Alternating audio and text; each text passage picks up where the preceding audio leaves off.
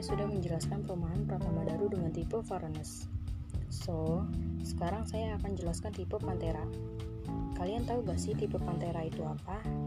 Ya, perumahan yang memiliki luas tanah 72 meter persegi dan luas bangunan 45 meter persegi.